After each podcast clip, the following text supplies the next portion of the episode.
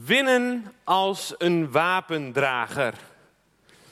Twee weken geleden sprak ik over Jaël. En we hebben gehoord hoe zij de sadistische generaal Sisera doodde in haar tent. En op die manier ook afrekende met het kwaad wat haar tent is binnengekomen. Vandaag gaan we het hebben over een ander verhaal. Ook een verhaal over heldenmoed, een verhaal over geloof en verlossing. Een verhaal waarin God, als Hij spreekt, ons leert hoe wij met Hem mogen samenwerken. Op een bovennatuurlijke manier. Om de situaties die misschien menselijk gezien veel te groot zijn, door de kracht van de Heilige Geest overwonnen kunnen worden. Vandaag gaan we het hebben over Jonathan en zijn wapendrager, die met z'n tweeën twintig Filistijnen verslaan. En laten we met elkaar opslaan 1 Samuel 14. 1 Samuel 14. Het komt ook op de beamer, dus voor wie geen Bijbel bij zich heeft, geen probleem. En we gaan met elkaar lezen de versen 6 tot en met 15. Jonathan nu zei tegen de knecht die zijn wapens droeg: Kom, laten wij oversteken naar de wachtpost van deze onbesnedenen. Misschien zal de Heere voor ons werken. Want het is voor de Heere niet te moeilijk om te verlossen, door veel of door weinig mensen.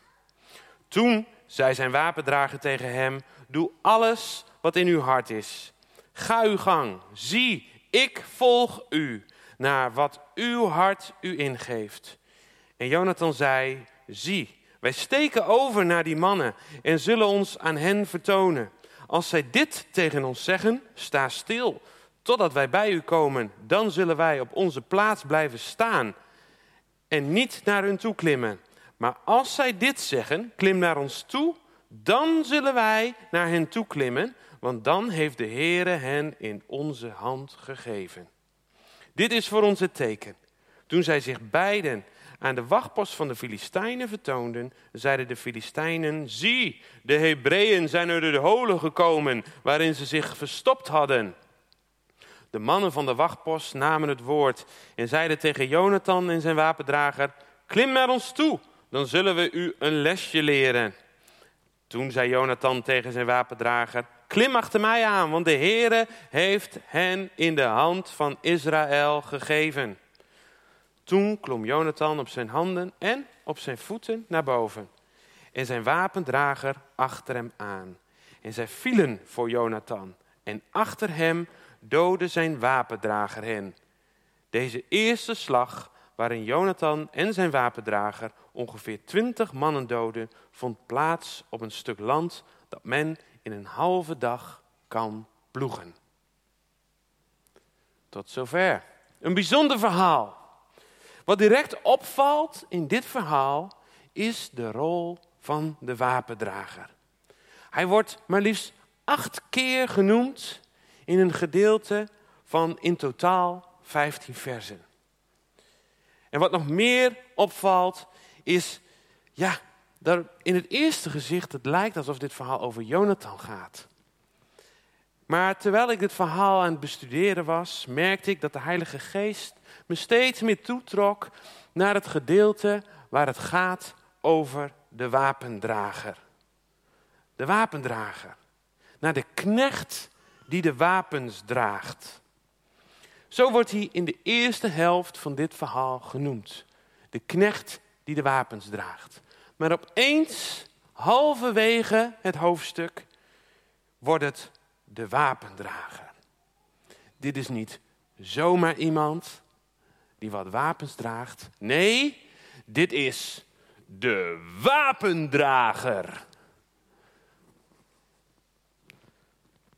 Voorafgaand in dit verhaal zien we hoe het volk Israël leeft in roerige tijden. De hoofdstukken 12 en 13 schrijven daarover. Het volk leeft in angst, in onzekerheid. En het, ja, het volk is bang. De Filistijnen, ze terroriseren het volk met plunderingen, onderdrukkingen en vernederingen. Het zijn terroristen. Ze hebben de wapens in het hele land in beslag genomen.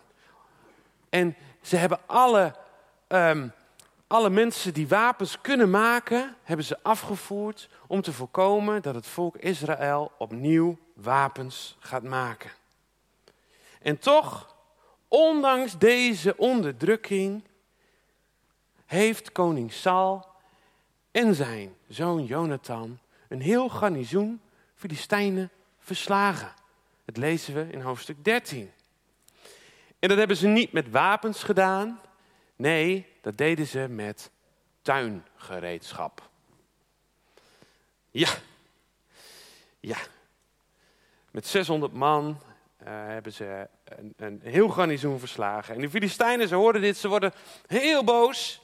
En ze trekken op met een bizar groot leger. Bizar groot. 30.000 strijdwagens. 6.000 ruiters. En een infanterie, leger te voet. Wat niet te tellen is, zo groot. In dat hele volk Israël en dat hele leger van Saul, ze raken in paniek. Ze worden zo bang dat ze zich verstoppen. Ze verstoppen zich in de grotten, ze verstoppen zich in de rotspleten en in de putten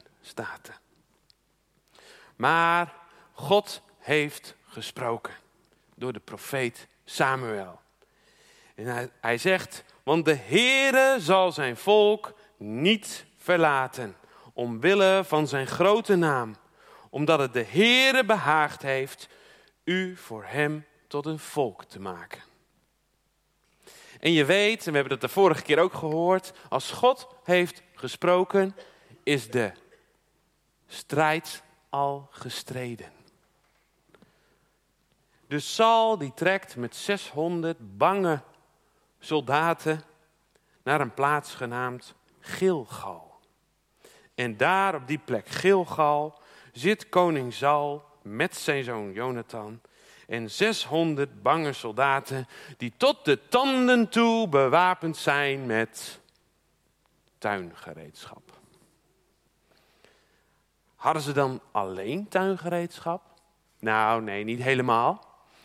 Want koning Saul als koning en prins Jonathan als prins, zij hadden wel wapens. En wat heb je nodig als je wapens hebt? Een wapendrager. Inderdaad, een wapendrager de wapendrager. En Jonathan, hij knijpt er tussenuit met zijn wapendrager. En ze gaan naar een Filistijnse wachtpost. Met z'n tweeën gaan ze op avontuur. Jonathan en zijn wapendrager. Zijn naam? We weten het niet. We kennen hem alleen als de wapendrager. Onopvallend? maar niet onbelangrijk. Naamloos, maar zeker noemenswaardig. De wapendrager van Jonathan. En terwijl ik het verhaal las, leidde de geest me naar vers 7. Het is het enige vers waarin de wapendrager zelf aan het woord is. En daar zegt hij: Doe alles wat in uw hart is. Ga uw gang. Zie, ik volg u naar wat uw hart u ingeeft. We zien hier een klein stukje van wat er omgaat in het hart van de wapendrager.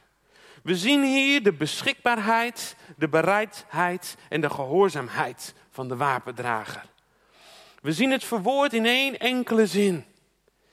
En het is een reactie op Jonathan die zegt: Misschien zal de Heere voor ons werken. Maar ja, misschien is misschien. Dus het kan ook misschien wel niet zijn. Maar deze wapendrager is vast besloten. In een rotsvast vertrouwen is hij bereid om zijn Heer te volgen in een risicovolle strijd die gestreden gaat worden. Tegen een vijand die groter, beter en sterker is dan hijzelf. En de vraag die er bij mij opkwam is, hoe is dit voor mij vandaag? Durf ik vandaag tegen God te zeggen, net als die wapendrager, doe alles wat in uw hart is. Heer, ga uw gang.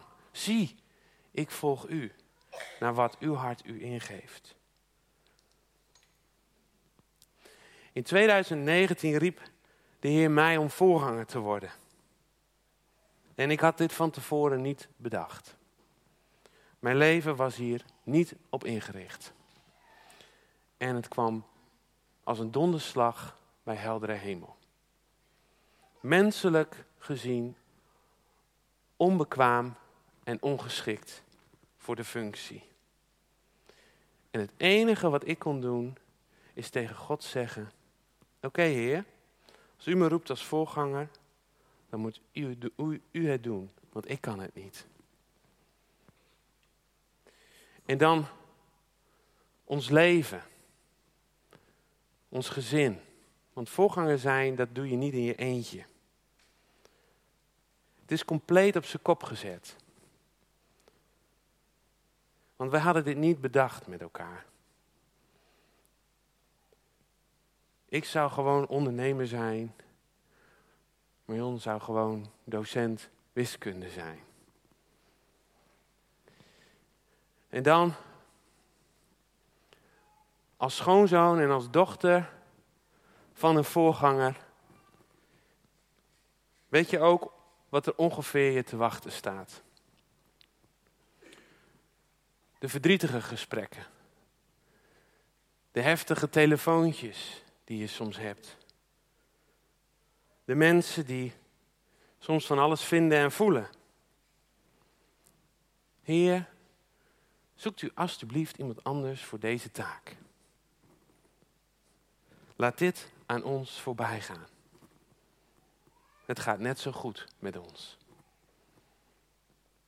En dan je vrienden. Sommigen begrijpen het, maar sommigen ook niet. En neem ze het kwalijk, want we begrijpen het zelf niet eens. We weten niet hoe Gods plan zal zijn. Het enige wat we weten is wat Hij ons vandaag laat zien. Misschien zal de Heer voor ons werken. En dan lees ik dit verhaal. En dan laat de Heer me zien, die wapendrager, dat ben ik. Dat ben ik. Kom Chris, vandaag gaan jij en ik naar een Filistijnse wachtpost. Maar Heer, ze zijn met zoveel. En de weg er naartoe is onbegaanbaar. Ik ben geen getrainde soldaat. Ik ben maar een wapendrager. Ik ben geen moedige strijder. Ik ben maar een wapendrager. Ik ben geen held. Ik ben maar een wapendrager. Maar Chris, misschien, heel misschien, zal de Heer voor je werken. Want het is voor de Heer niet te moeilijk om te verlossen door veel of door weinig mensen. En met het hart in mijn keel spreek ik de woorden van de wapendrager. Heer, doe alles wat in uw hart is. Ga uw gang. Zie, ik volg u. Naar wat uw hart u ingeeft. En hoe is dit voor jou? Hoe is het voor u vanmorgen? Want God heeft een plan voor iedereen die hier vanmorgen zit. God heeft over jouw leven gesproken. Hij weet in welke situatie jij op dit moment zit. Durf je vanmorgen tegen God te zeggen: Heer, ik vertrouw U met mijn leven. Ook al is het enige wat ik nu heb een misschien. Misschien komt het goed met je huwelijk. Misschien komt het goed met je gezondheid. Misschien komt het goed met je werk. Wat doe jij vandaag met alleen een misschien? Hoe reageer jij vandaag op misschien? Eerst zien en dan geloven. Bij twijfel niet inhalen. Ik speel liever op safe. Of de dokter zegt toch dat het niet meer goed komt? Een andere baan, ik weet nu toch wat ik heb? Durf je vandaag tegen God te zeggen: Heer, ik vertrouw u. En ik heb geloof in de overwinning die u gaat behalen. Ook al heb je net als de wapendrager alleen een misschien. De wapendrager in dit verhaal ben jij. Niet gemaakt voor de strijd. Laat staan voor de overwinning. En toch staan daar twintig Filistijnen klaar. En niet om thee met je te drinken. En het enige wat je hebt is een misschien. Want misschien, heel misschien, zal de Heer voor je werken. Maar waar kies je voor? Wat doe jij met misschien? Kies je voor de weg van geloof of kies je voor de weg van twijfel? En de Heer nodigt ons uit vanmorgen om op Hem te vertrouwen. En tegen Hem te zeggen, Heer, doe alles wat in uw hart is. Ga uw gang. Zie, ik volg u naar wat uw hart u ingeeft. En daar op die berghelling kiezen Jonathan en zijn wapendrager ervoor om die confrontatie aan te gaan met die Filistijnse wachtpost. Die wachtpost die veel groter, beter en sterker is. Een wachtpost die ervan overtuigd is, dit gaan wij winnen. En zij zijn met twee en de Filistijnen zijn met twintig. Maar Jonathan en de wapendrager, ze wandelen in geloof. Hun misschien wordt omgezet in geloof. Het geloof in het door God gesproken woord. Het geloof in het door God gesproken woord wordt de overtuiging dat God hen de overwinning al geschonken heeft voordat de strijd is gestreden. En de Filistijnen, ze vallen één voor één voor Jonathan op de grond. Letterlijk. Ze vallen één voor één voor Jonathan op de grond. En de wapendrager, hij maakt het af. Hij maakt ze dood. Allemaal. En die dag ontdekte de wapendrager wat het is om te winnen als een wapendrager. De wapendrager werd door God getransformeerd in de held.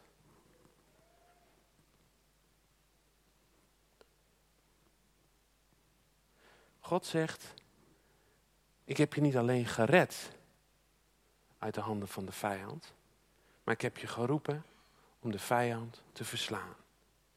Je bent geroepen om mijn wapendrager te zijn in een strijd die ik al voor jou heb gewonnen. En ik wil dat je je misschien omzet in geloof. En hoe doe je dat? Hoe doe je dat? Door net als de wapendrager tegen je Heer vanmorgen te zeggen: Heer, doe alles wat in uw hart is. Ga uw gang. Ik volg u naar wat uw hart u ingeeft. Door te zeggen: Heer, ik ben beschikbaar voor u. En dan is er geen berghelling te steil, geen vijand te groot en geen wapen tegen je bestand. Want de Heere zal jou niet verlaten omwille van zijn grote naam. Zullen we met elkaar gaan staan? Laten we vanmorgen tegen God zeggen: Heer, ik ben beschikbaar voor u. En als je dat wilt, dan mag je je handen open houden. In een open houding naar God. En je mag je ogen sluiten. En laten we samen dit gebed bidden. Heer, dank u wel dat wij uw wapendragers zijn in de strijd. Dank u wel dat u misschien omzet in geloof. Dank u wel dat u een plan hebt voor mijn leven. En ook al zie ik dit plan nog niet volledig, vanmorgen wil ik tegen u zeggen: Heer, doe alles wat in uw hart is. Ga uw gang. Zie, ik volg u naar wat uw hart u ingeeft.